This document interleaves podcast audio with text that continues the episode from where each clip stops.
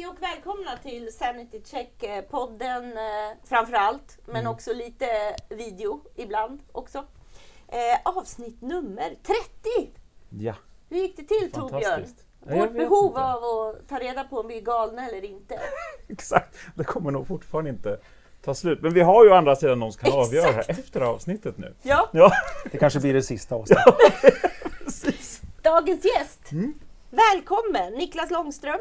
Vi pratade innan, du är psykiatriker i botten. Just det. Är det dig vi hade hamnat hos om vi hade känt att det på riktigt, riktigt var illa med oss? Nej, ni är för gamla. Ja, Nej, jag är, ju- jag är eh, professor i barn och ungdomspsykiatri och det är då upp- till och med 18 års ålder. Alltså barn och ungas ohälsa. Men sen finns det ju förstås kontinuiteter in i vuxen ålder. Det är ju sällan så att någonting börjar precis när man är 18 eller för den delen slutar om vi pratar om barn och ungdomsåren.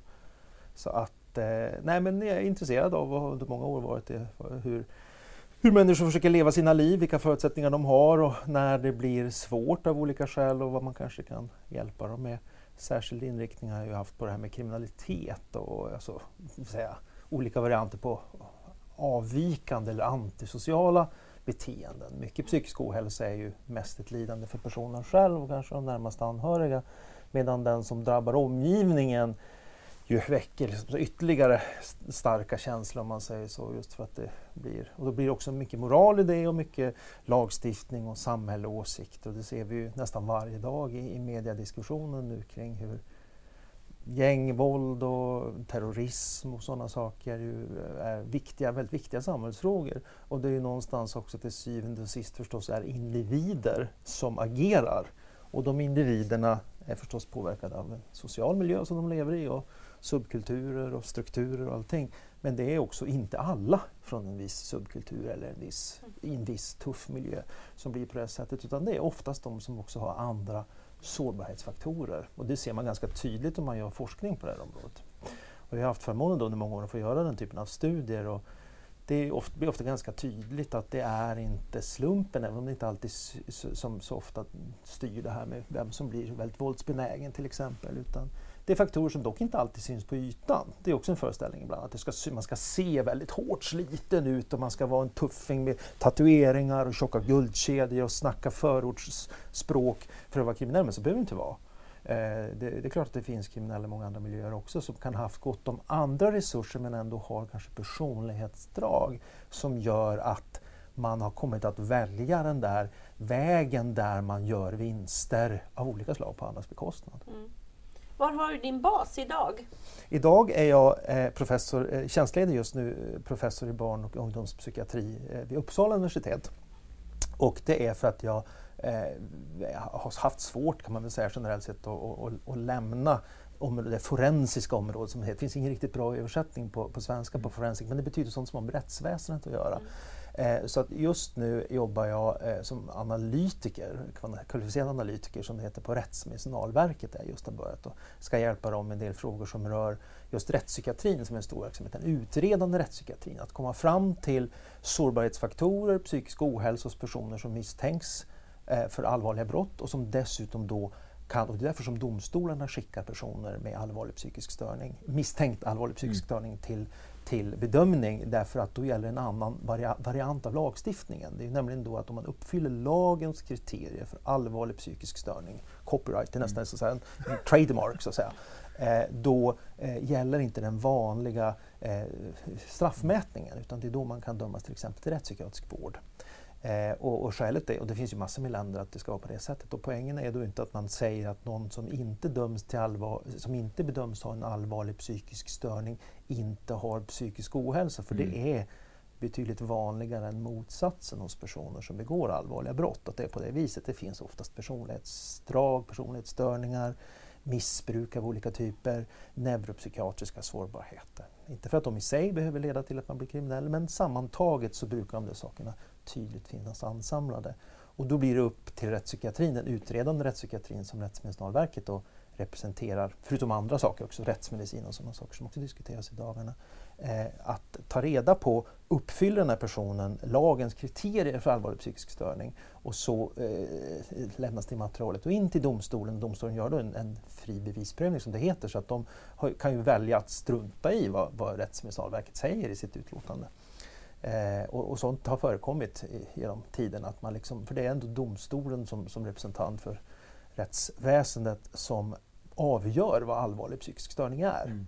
Så man kan säga att det är ett juridiskt begrepp in search of eh, en psykiatrisk dräkt. Kan man säga lite grann. Och den ska då egentligen domstolarna fastställa vad, hur den dräkten ska se ut men det är underlaget i termer av förståelse, diagnoser, sårbarheter och styrkor det levererar då den rättspsykiatriska utredningsteamen som består av olika kompetenser vad, din, vad gör du? Bara? Ja, vad ska jag göra då i det här? Det är en jättebra fråga efter den där långa utvikningen. Nej, men jag ska, jag, som analytiker ska jag alltså inte jobba löpande med det kliniska arbetet. Alltså träffa, jag har gjort det tidigare inom, under min, min utbildning genom åren.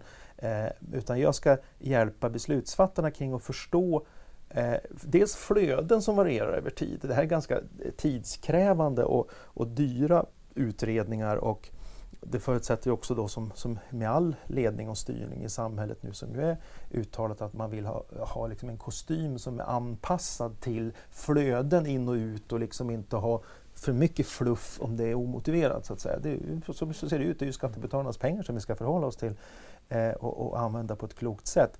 Så då handlar det om att ta fram, liksom, gör, man, gör man rätt saker, det finns två stora utredningsenheter, eh, jobbar de, de jobbar på lite olika sätt, men det kanske är helt motiverat. Det kanske är utifrån att det är olika typer av inflöden, olika lokala förhållanden. Eller så finns det eh, samordningsvinster eller styrningsvinster, att man rättar åt det ändra hållet men då vill man gärna veta vem har rätt och vem har fel i så fall i det här. Och då ska jag försöka bistå med en del underlag kring hur man kan förstå likheter och skillnader, skillnader inflöde av klienter och sånt.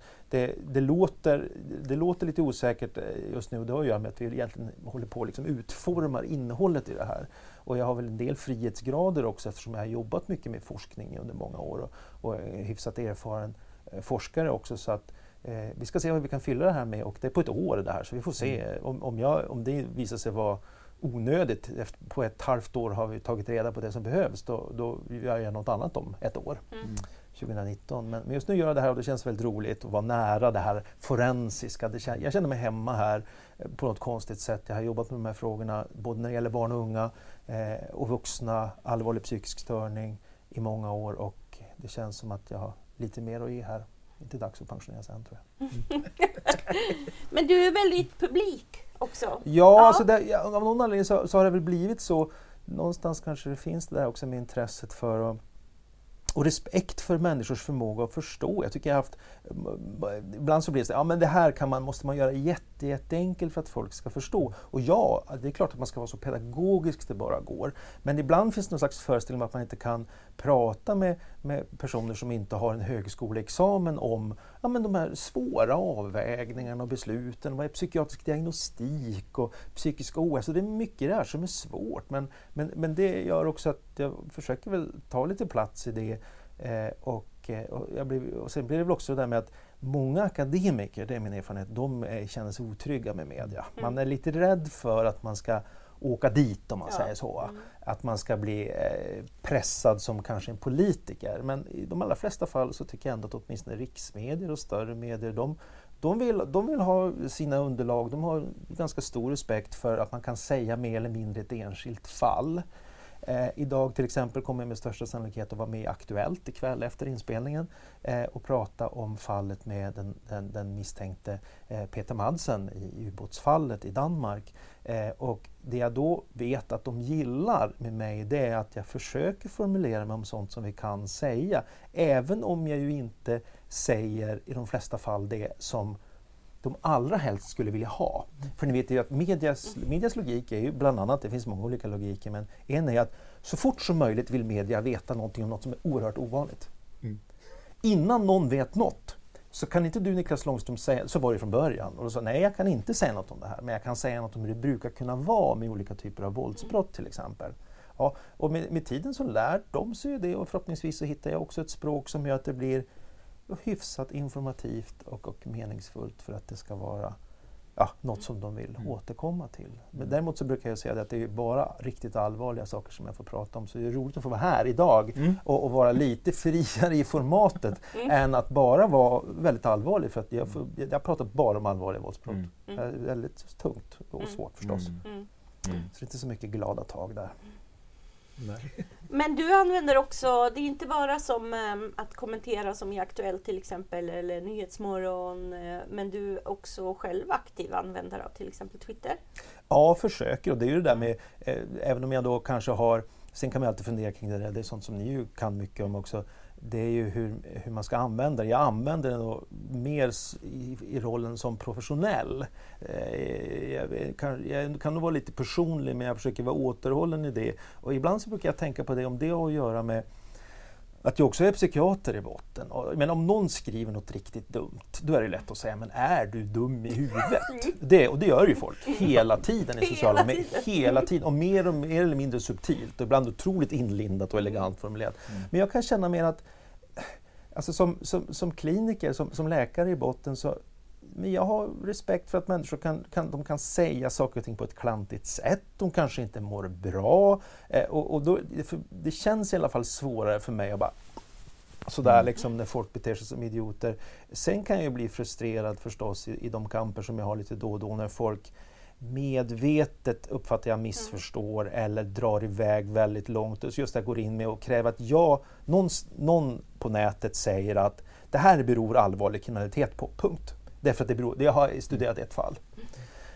Och då säger jag kanske då, ja det stämmer ju inte med den systematiska forskningen och så kanske jag lägger in en referens till någon eh, tung referensartikel eller, eller systematisk kunskapsöversikt. Och så säger personen, nej det där är bara trams. Säger den personen då, förlåt. Den personen då kanske säger att det där är bara trams. Du, är, du tillhör liksom den stora sammansvärjningen. Det är en variant. Ja. Eller, och en annan variant är liksom Äh, vadå, om det inte betyder på det här, då, om det inte betyder det här, då måste du förklara i detalj varför det inte betyder något. Som att på något sätt fick förklaringsansvaret för den reduktionistiska förklaringen, det har jag. Mm. Jag säga, men ska jag... Och grejen är också att det lär man, jag har i alla fall lärt mig det lite grann att det är oftast inte värt de riktigt långa utläggningarna. Med några undantag. Ibland är det folk som ändå säger ja men jag var lite snabb där, det var kanske dumt sagt sådär från början. Då kan man säga ja men eh, peace liksom, sådär, tummen upp och liksom, nej men det var schysst sådär. Eh, Men andra gånger så känner man bara det här är ju bara rent skyttegravskrig. Liksom, att, eh, man sticker upp huvudet och säger nej men det där stämmer inte med vad jag vet och så, bara, pjong, pjong, pjong, pjong, pjong, och så hakar andra på. Eller om det nu är, eller om, det är, om det nu är konton från samma individer som de ligger och kör parallellt. Sådär. Så det är ju tufft på så sätt och hela den här diskussionen kring, kring i medier kring eh, hur man påverk, kan påverkas av det där och, och tycka att man blir illa återgången. För mig är det självklart att man påverkas. Det är nog få offentliga eh, personer som rör sig i offentligheten och som också gör sig sårbara i sociala medier som inte påverkas av det. Och jag, jag har ju inte varit illa utsatt på det sättet. Många har ju, jag menar, allt ifrån dödshot till alla dessa sexuella trakasserier i olika Mm. varianter som framförallt kvinnor utsätts för. Det är ju för jävligt rent ut sagt. Men, men alltså jag kan ju känna att man, alltså man orkar man ta den här dumma kommentaren? Liksom? Alltså det finns en viss sådär, liksom, är jag i form för det här idag? Så att, ja, det, det finns ju en aspekt i det som tyvärr faktiskt funkar i någon mån. Det är ju Mm. det som är lite otäckt Ja. med den Mm. typen av elaka, eh, till synes upp, medvetet missförstående, hela den, den, form, den kommunikationsformen som man använder också. va, Som är direkt på bollen, aldrig ett frågetecken. Kan det vara så att, att, kan det, vara så att det beror på det här? Öppet. Utan om man då skriver ett frågetecken då är det mer liksom är det så att, alltså, då är det mer raljant. Liksom, Mm. så här. Är det så att de här inte, är det så att dagens professorer är på dagisnivå? Frågetecken. eh, eh, och, och, och det är ju inte så att säga, en, en seriös fråga, så att säga, utan den, det är ju bara till för att liksom slappa till en sådär. Va? Ehm, så att det, det, det, det, det kan jag tycka är så tråkigt va, med tanke på de, de möjligheter som också finns. Och, och för att återvända kort till det då, därför använder jag ju kanske mest sociala medier till att dela bra grejer som jag ser i min näromgivning. Människor uppträder, kanske har gjort en bra sak i media, publicerat en bra artikel eller något sånt där. Det försöker jag också trycka ut så mycket som jag kan för att vara en liten droppe i de där liksom, flödena som uppstår eh, i, i sociala medier. Eh, säkert skulle man kunna eh, vad heter det, putsa på det ännu mer men, men eh, mina nätverk då de, de säger i alla fall när jag pratar med dem att men, de har glädje av det där för att eh, man har ju olika kanaler som man tar in information Ja. i. Och, och mina kanaler då med oftast eh, forskargrupper som jag jobbar med eller, eller stora aktörer när det gäller psykisk ohälsa eller eh, som publicerar rapporter. Att jag då gör någon slags snabb bedömning. Det är en seriös avsändare, jag läser sammanfattningarna.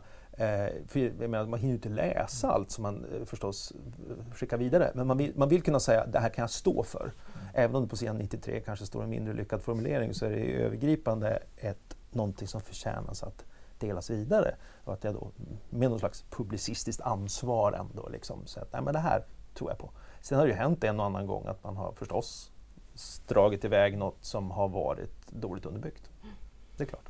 Men där får vi ju två, inför valrörelsen tänker jag mig, två aspekter som man önskar att, att eh, fler faktiskt aktivt tänkte på. Det ena var det du sa om att liksom eh, hitta ett sätt där man både är pedagogisk men vågar eh, inte fördumma. Liksom, Mm. eller, eh, att, att faktiskt inte utgå från att människor är korkade på Nej. något sätt. Det, det tror jag är något man skulle vilja se Mm. mer. Och sen är det också det här med att ändå ha något slags utgivarskapstänk Mm. i sitt eget agerande online. Mm. Och det skulle man ju gärna vilja se från, från fler under den här valrörelsen. Särskilt politiker men också fler i samhällsdebatten. För just nu Ja. håller ju något på att hända som bara skruvar upp saker. Mm. Vad säger Jo, du men Torbjörn? precis. Jo, men, och det, är ju, men det här aktiva missförståndet det är ju har ju blivit en profession hos Ja. många just nu. Så att, Ja. där man snarare letar efter det. Eh, Ja. det och, och, och, och, man då, och, och, och just det här kravet för förklaring, det råkar jag också ut för. Ja. Helt plötsligt ska jag börja beskriva allting bara Ja. för att den här människan inte ens vet vad ett Nej. plus ett är. Nej. Helt plötsligt. Nej men precis. Ja. Eh, Och, och, och det är ju en, Det- en väldigt kraftfull strategi, medveten eller inte, för att tysta folk. Mm. Ja, det för man orkar ju inte mer, det Mm. går ju inte. Va? Det är ju Mm. inte Exakt. Och då blir ju nästa steg att man inte tar debatten helt, helt plötsligt. Ja. Så, för, för det första, varför skulle det ens vara en debatt? Ja. Det, det, det, jag Ja. tror man liksom på något sätt har van eh, missanvänder yttrandefriheten till att det ska vara en debattfrihet på något sätt. Att Mm. allting ska debatteras och vändas och vridas. Och Mm. Om man då håller tyst, då är man feg eller, eller vad det nu Ja, är. ja, liksom. ja, men precis. Så det gäller väl att hålla emot den där... Nu- Nu smet din mick igen. Ja. Jag vill inte vara med. Nej, Jag måste ha en stadig fastsättning här. Nu Nej men, nej men det är verkligen, och jag tror på riktigt, alltså, om man tittar på Twitter nu för, till, och jämför med tre, fyra år sedan. Är det så länge sedan? Men då var det en helt annan syn på att man hade mer öppen inställning, man delade mer och man, Mhm. och och man vågade dela saker som man kanske inte stod, på till, stod för till 110 procent Mm. för man tyckte det var intressant. Ja. Nu märker jag att det där har slutat väldigt mycket. Mm. Att man, det är liksom det är väldigt få saker som sprids vidare Ja. utan man har sin lilla Bubblorna har blivit väldigt starka nu. Mm. Innan fick man in nya människor, nya influenser Ja. och så på ett helt annat sätt. Ja, just det. Om det inte bara är något lite kul knasigt grej. Det är väl det enda som får... Jo, Ja, men det var ju en Ja. riktig, eh, riktig dialog och också det här fantastiska i att det stora med Twitter är den horisontella oändliga kunskapsfloden Ja. som är möjlig att ta del av. och via en tagg kan man få se massa människor man aldrig hade stött på annars, Ja. apropå gå utanför Mm. bubblan. Men eh, det här, det, är ju inte en det går ju inte att föra en diskussion längre. Det blir ju inte ett Nej. gemensamt kunskapsutbyte där Nej. man just kommer till Nej. ibland till en insikt om att ja, man kanske, Mm. eh, man kanske har lärt sig något också. Mm. Det ser man ju sällan hända utan man måste Mm. Under jul här så äm, äh, gjorde jag ju för SVT som hörde av sig och ville ha en liten, äm, äm, att jag skulle äh, göra en, en kort video om vad för slags trollfenomen man kan Mm. möta på nätet. Mm. Eh, och då um, vad gjorde ju hur många tagningar som helst. Men det som blev slutprodukten var i alla fall där jag kanske lyfter upp tre vanliga fenomen man kan stöta på om man är Mm. aktiv i samhällsdebatten. Tre är ett bra tal. Ja. och då var det alltifrån det klassiska trollet förstås. Ja. Eh, men också det enskilda haten, hoten som en politiker eller opinionsbildare upplever anonymt så Mm. på en och, och eh, kanske ofta väldigt något som man ska polisanmäla och så. ja. Och sen den tredje kategorin som är mer eh, regisserade, eh, Mm. ofta med en opinionsbildningsaktör bakom. Eller Mm. liksom finns ju jättemånga exempel på företag som har köpt opinioner på det Ja. sättet. Eller bara runt en fråga värderingsmässigt, att man agerar i grupp så. Och jäklar vad trollen blev arga över att Ja, jag jag- skulle definiera dem på något sätt. Jag tycker det är lite fascinerande för att de Alltså- hade kände sig träffade. Det förvånar mig mest. Ja men och, och Alltså- alltså, en total sammanblandning av äpplen och päron och pratade Ja. jag opinionsbilder eller pratade jag inte eller så. Och då, det som var så tydligt det är ju i diskussioner runt det och efteråt det var ju eh, att eh, trollandet i sig har ju nästan blivit normaliserat. Det, är Mm. ju ett, det är ju ett verktyg Mm. för en opinionsbildare som Mm. vill nå ut. Mm. Det var ju det som blev så tydligt och det Mm. var liksom det jag hade Ja. i tanke i de där grova grupperingarna. Och sen blev det ett realtidscase på det, Mm. i Ja. hur hela Ja, just det. reaktionerna Den- blev ja, runt det. det. Det illustrerades. Man, Ja. man illustrerade det som du försökte illustrera Ja. fast på ett, på ett nästan oväntat positivt sätt. Ja. Eh, I, Ja. för, för att Ja, stärka din tes. Ja. Så att säga. Exakt. Eh, Ja. Negativt men, men positivt för att Men- visa att så här kan det se ut. Ja. Och det var ju Patrik också, han var ju här för några avsnitt sedan Mm. också. Han skrev eh, hälsning till alla mina kära tro- troll och länkade till din film och det Ja. tog ju fullständigt ut sig Ja. i helvete tydligen. Ja, Mm. det, Också det är länge sedan mailboxen var så fylld av hat måste Ja. jag säga. Ja, och det, är det- ju otroligt jag begriper intressant, inte. En sån, Ja. eh, i, i sammanhanget. Men, nej, och också så här, du får inte definiera vad troll är. Jo, det får jag. Jag har 25 Ja. års nät, näterfarenhet. Jag får Ja. tycka precis vad jag vill. Ja. Eh, Och, och och inte det helt finns- ogrundat heller med tanke på att du jobbar och med det professionellt. finns x Liksom. antal källor på det hela också. Liksom. Och då den här klassiska höra av sig till SVT, kräva källor på vad den här knäppa människan pratar om. Eh, Mm. Otroligt intressant. Istället för bara Ja men om man tycker att jag är så korkad och ointressant, strunt i mig! Gå Ja. vidare i era liv och håll på med det ni Mm. tror på och, Mm. och vill. Men, men ligger inte en, en del i den där, alltså det finns någon slags fånig sårbarhet också. Va? Man måste liksom eh, kämpa emot det där. Alltså lättkränktheten är ganska nära ytan. Man kör stenhårt, man är väldigt stark i sina åsikter och så vänds det där emot en och man, och man uppfattas liksom att man definieras eller något sånt där. Och då blir man jätteskakad på något sätt. Mm. Liksom. Eh, Och ibland undrar jag om det ens är tillkämpat. Ibland tror jag att det kanske kan vara så att man är en ganska Mm. lätt antändlig personlighet, Mm. många av de som är mest liksom, aktiva i, i sådana här liksom, Mm. processer som Mm. går igång mest. Jo, men Men så, det- ja, förlåt. Det ja. jag är väldigt nyfiken på inför val, valrörelsen som kommer, det är ju att när man känner det själv, att man blir ganska nedslagen av det extremt uppskruvade tempot Mm. och det, det hat man möter Mm. för i det här fallet en sån banal sak som det. Då kan man ju tänka sig att man verkligen jobbar med politik dagligdags och, Mm. ehm, och vad det gör med en. Och, då, och- och också det börjar ju synas tendenser till att online-hatet också tar sig fysiska uttryck. Mm. Ehm, Alltså att man också kan känna av att den här gruppen, även om den är digitalt större än vad de faktiskt är i Mm. fysiska individer Mm. eftersom man har duplicerade konton precis Mm. som du nämnde. Och så. Mm. Men att man har så pass mycket råg i ryggen att man faktiskt vågar finnas på gator och torg också. Mm. När demonstrationer sker eller vad det nu Ja. kan vara för manifestationer. Mm. Och då är frågan om vad som händer i valrörelsen. Om det Ja. faktiskt också blir fysiska eh, Mm. bataljer kring saker och ting mer än vad som har varit tidigare. Mm. Det finns en frustration som byggs upp. Ja, ja. Ja, det tror jag också. Jag tror Mm. att, jag tror att det, det är ju inte, gynnar ju inte... Alltså det som man brukar prata om, den här polariseringsprocessen. Den, den gör, polarisering innebär ju också att eh, hela den här processen när man går mer mot, mot vi och dom, som är ju en Ja. grundläggande socialpsykologisk eh, mekanism, att vi har mycket lättare att se nyanser hos de som tillhör vår egen ingrupp. Va? Eh, men det är klassikern, Mm. liksom, om, Mm. om, om en person som tillhör en främmande etnicitet begår ett brott så har vi automatiskt även om vi ser som liberala, en tendens att göra en generalisering baserat på de få variabler som vi kan beskriva den individen med. Vi känner inte till mycket kanske om, om den kulturen eller den bakgrunden. Istället för då se att om en person, om en, om en medelålders man, eh, vit man i min bekantskapskrets begår ett brott, inte ska jag säga att det är för att han är medelålders vit man. Mm. Men för att jag skulle se många fler nyanser.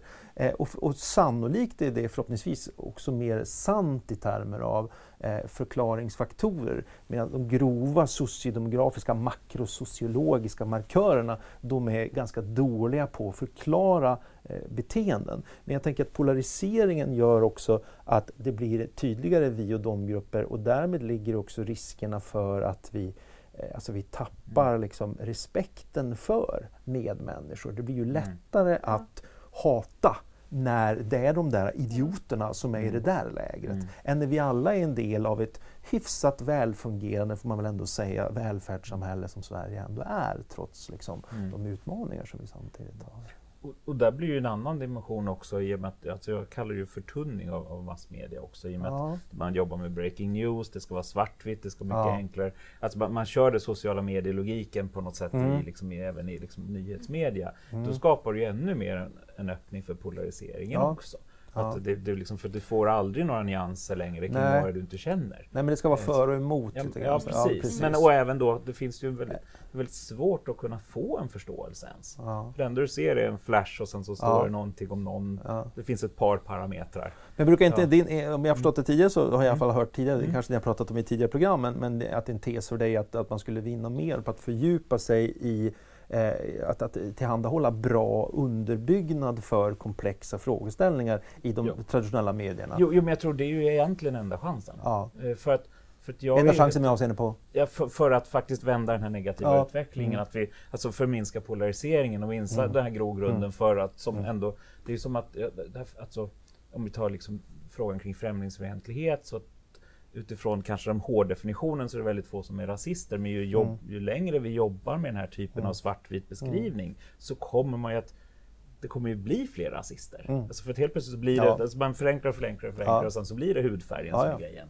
Eh, och, mm. och där har vi, det enda lösningen är ju kunskap. Det är väl om man mm. pratar, för att nu börjar vi komma in i fördomar. Mm. Och det enda sättet att få bort fördomar är ju mer kunskap och förståelse. Det finns ju inget annat sätt. Det är, så att, det är där det blir debatt är inte världens bästa sätt att lösa det på. Nej, nej.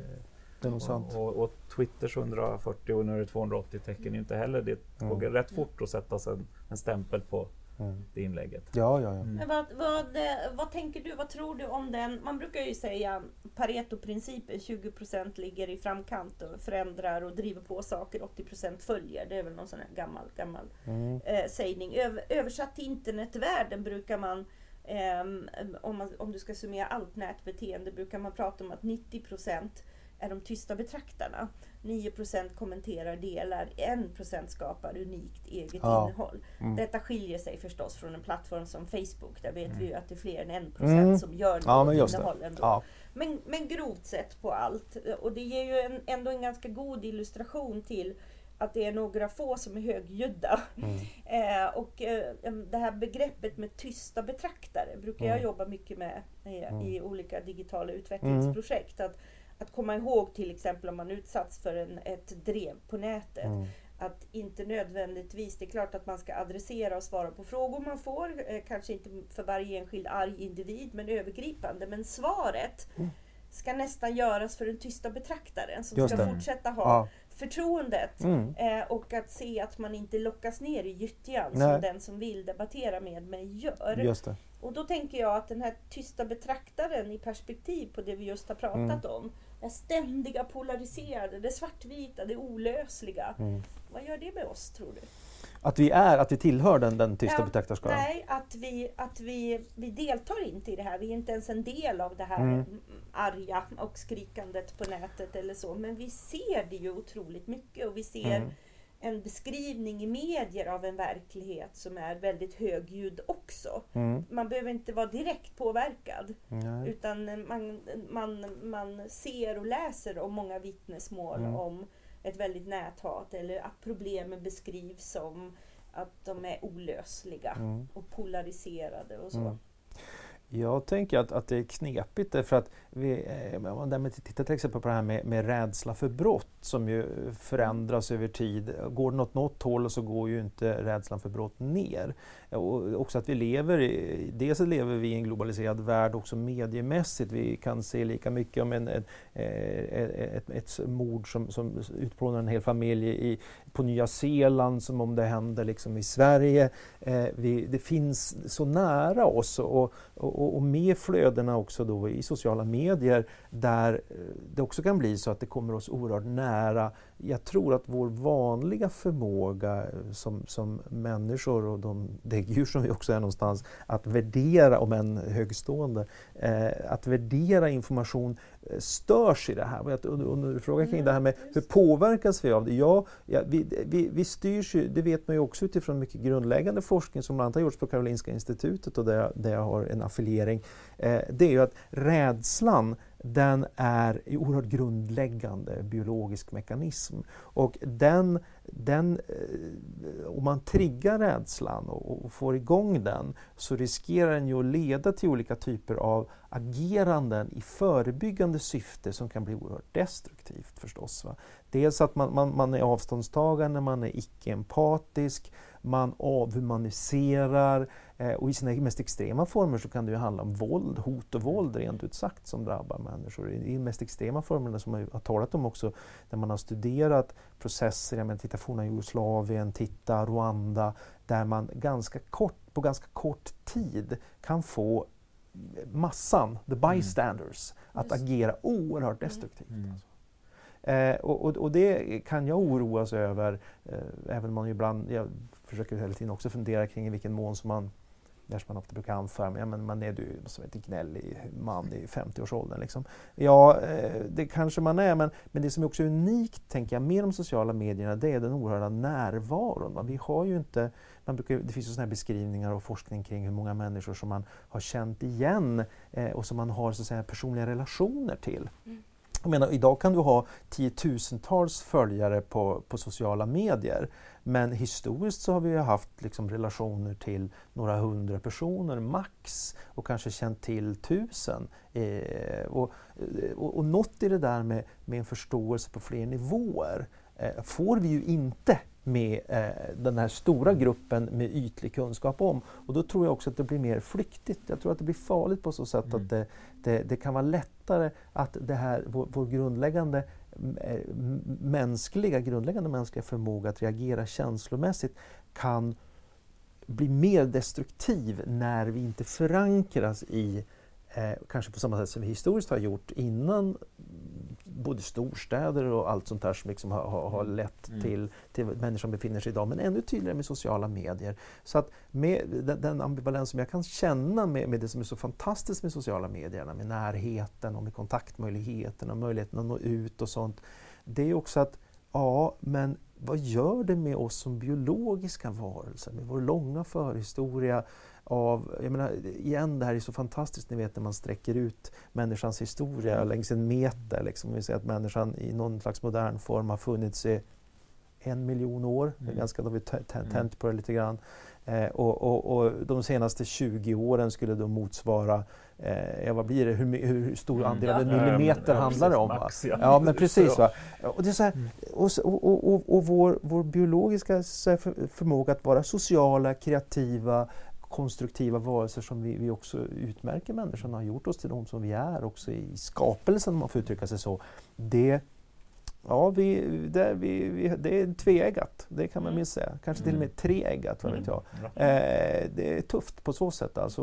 Så det är ju väldigt relevant att ni och andra tänker jag, reflekterar kring det här och förhoppningsvis hjälper oss att förstå lite bättre. Vad, vad är, vart är vi på väg och hur kan vi hantera det här? Mm och balansera yttrandefrihet och möjlighet att nå fram och, och, frihet mot det som man då kan känna kanske att, ja, men kan man inte bara förbjuda allt dumt?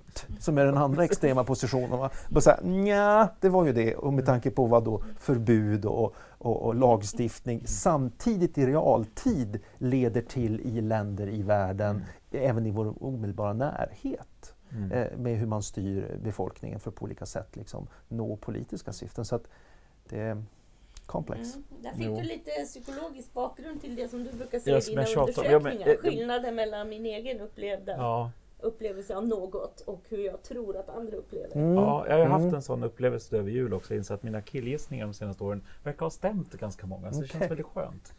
Det var jobbigt Som... annars. Ja, men... När jag läste den alternativ fakta-boken också. Mm. Kring filosofiska dimensionerna. Ja. Jag inser att jag har några powerpoints jag har kört i något år som mm. oh, de var inte fel. Nej, nej men det är ju lite skönt. Ja, ja. ja.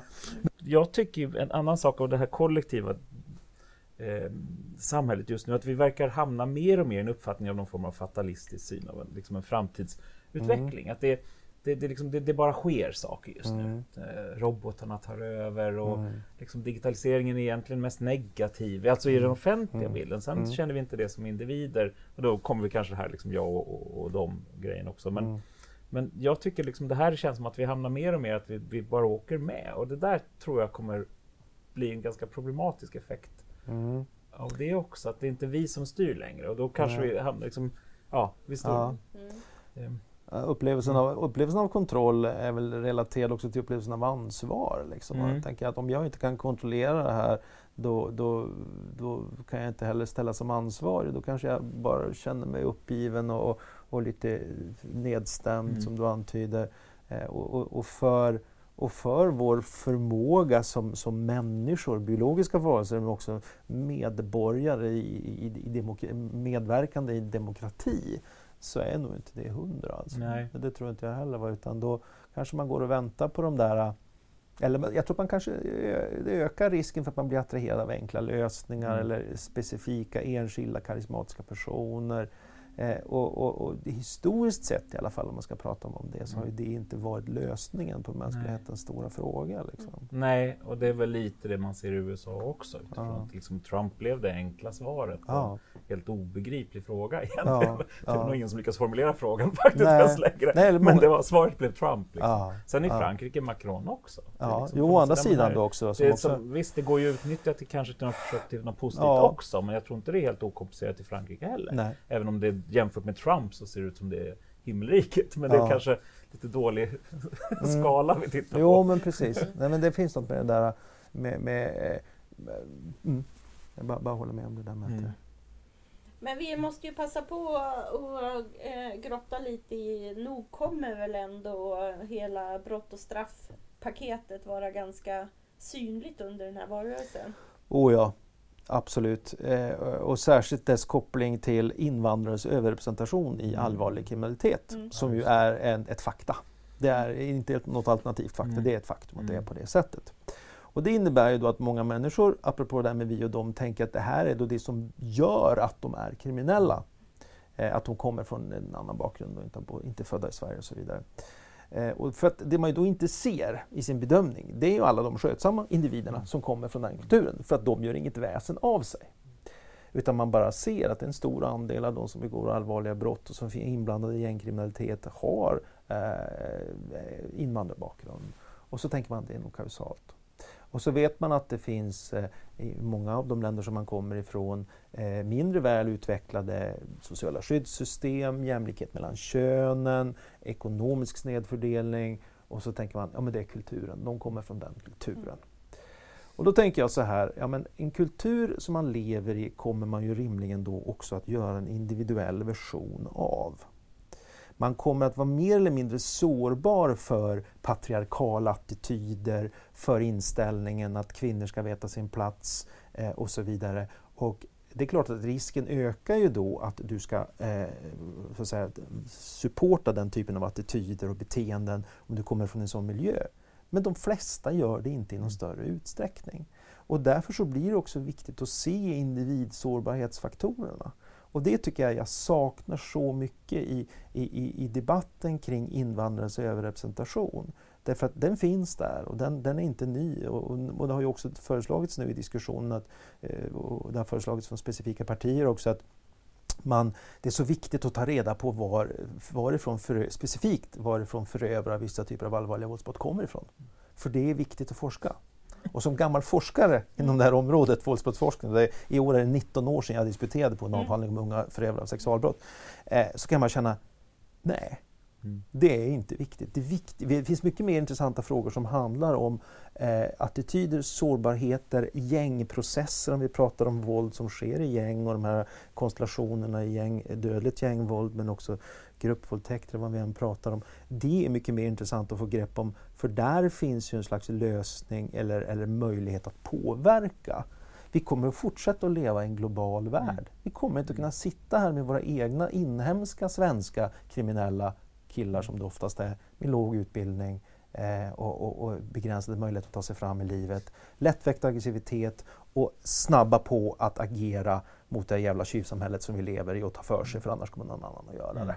Mm. Det. Eh, de har vi ju haft så att säga, i årtusenden, här på att säga, långt innan Sverige varit ett invandrarland i sin moderna form. Sen har vi ju historiskt varit invandrare hur länge som helst. Liksom. Eh, Eh, så, så det har liksom alltid funnits individer med den typen av sårbarhet och, och i dagens läge så är individerna med sårbarheter det är då de som, som mm. oftare är, eh, har invandrarbakgrund. Sen finns det en hel del svenskar också, men, men visst, det är på det viset. Och där, där tänker jag att det kommer att vara så många varianter ja. på. Och, det, och problemet då, lite grann kan man ju tycka också att det är att om man, om man har idén om att invandring inte är bra generellt, då blir det ju en lösning på eh, problemet med invandrares överrepresentation i kriminalitet, att vi inte ska ha några invandrare. Mm. Men då, som andra sidan av det myntet, det sitter verkligen ihop, det är så här, klarar sig Sverige utan invandring? Sen är det klart att vi, vi, det är oacceptabelt med kriminalitet oavsett var den kommer ifrån och ännu tråkigare om den kommer från personer som kommer till Sverige och vill eh, representera grupper som, som söker skydd och behöver hjälp av olika skäl. Men, men, så, så den, den, lösningen som ju ofta finns som undertext i det där, ja men det här är ju invandrare, vi ska inte ha så mycket invandrare och så vidare. Den är väldigt förenklande därför att som sagt det, befolkningsströmmar i, i världen över tid har alltid funnits och kommer fortsätta att finnas. Och det är ju en sån här, så här kunde man hoppas utdöd idé om att man kan isolera sig geografiskt mm. så som världen ser ut idag.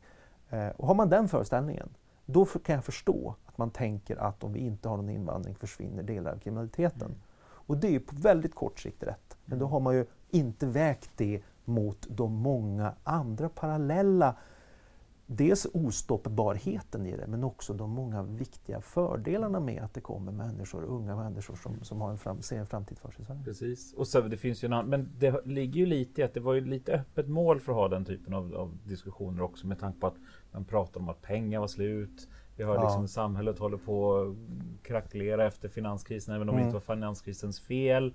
Men helt plötsligt så kom det då en bild av en kostnads dimension ja, kring. Liksom, att här har vi människor som inte har bidragit någonting och till råga på allt Nej, begår de alla brotten. Nej, men alltså, ja, men exakt. precis. Det, det blir ja, så lätt ja, att göra det, det är klart det blir lätt. Va? Och det, det var ju lite öppet mål känner jag utifrån den retoriken som, som faktiskt många partier hade. Ja. Det, hade liksom inte, det, har inte, det var inte främlingsfientlig fråga, men det var, det var, öppet för smash ja. för den typen. Tänker du, tänker du så här några år efteråt, mm. att man hade kunnat eh, så att säga, försöka beskriva det här på ett annorlunda sätt, så man kan förstå det på, på det här mer komplexa mm. sättet som, alltså som jag tror huvud... säkert ligger när, närmare Ja, men alltså, det, det som var så problematiskt, och det var under förra valrörelsen, var ju att liksom, oppositionen då hade ju som syfte egentligen att bara skada regeringen.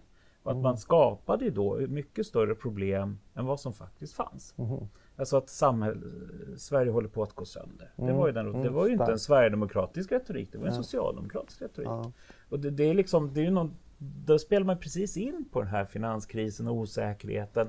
Men, men, men man, man spelade väldigt högt spel, man trodde det fanns kommunicerande kärl mellan regeringen och Socialdemokraterna. Mm. Mm och glömde bort att det fanns en pysventil, mm. liksom som i en tryckkokare. Att mm. Det var där det sköt ut. Ja. För man gick precis in i tonaliteten kring liksom ett, ett binärt eh, mediasamhälle. Mm. Där det var svartvitt. Man jobbade precis ja. på de här grejerna, men det var ja. inte Sverigedemokraterna som gjorde faktiskt. Ja, inte, okej, det gjorde de också. Men det var inte där som satte mm. det hårda, utan det var de etablerade, liksom etablerade reger, alltså sittande regeringspartiet. Mm. Men nu är de redo för det, är det inte så?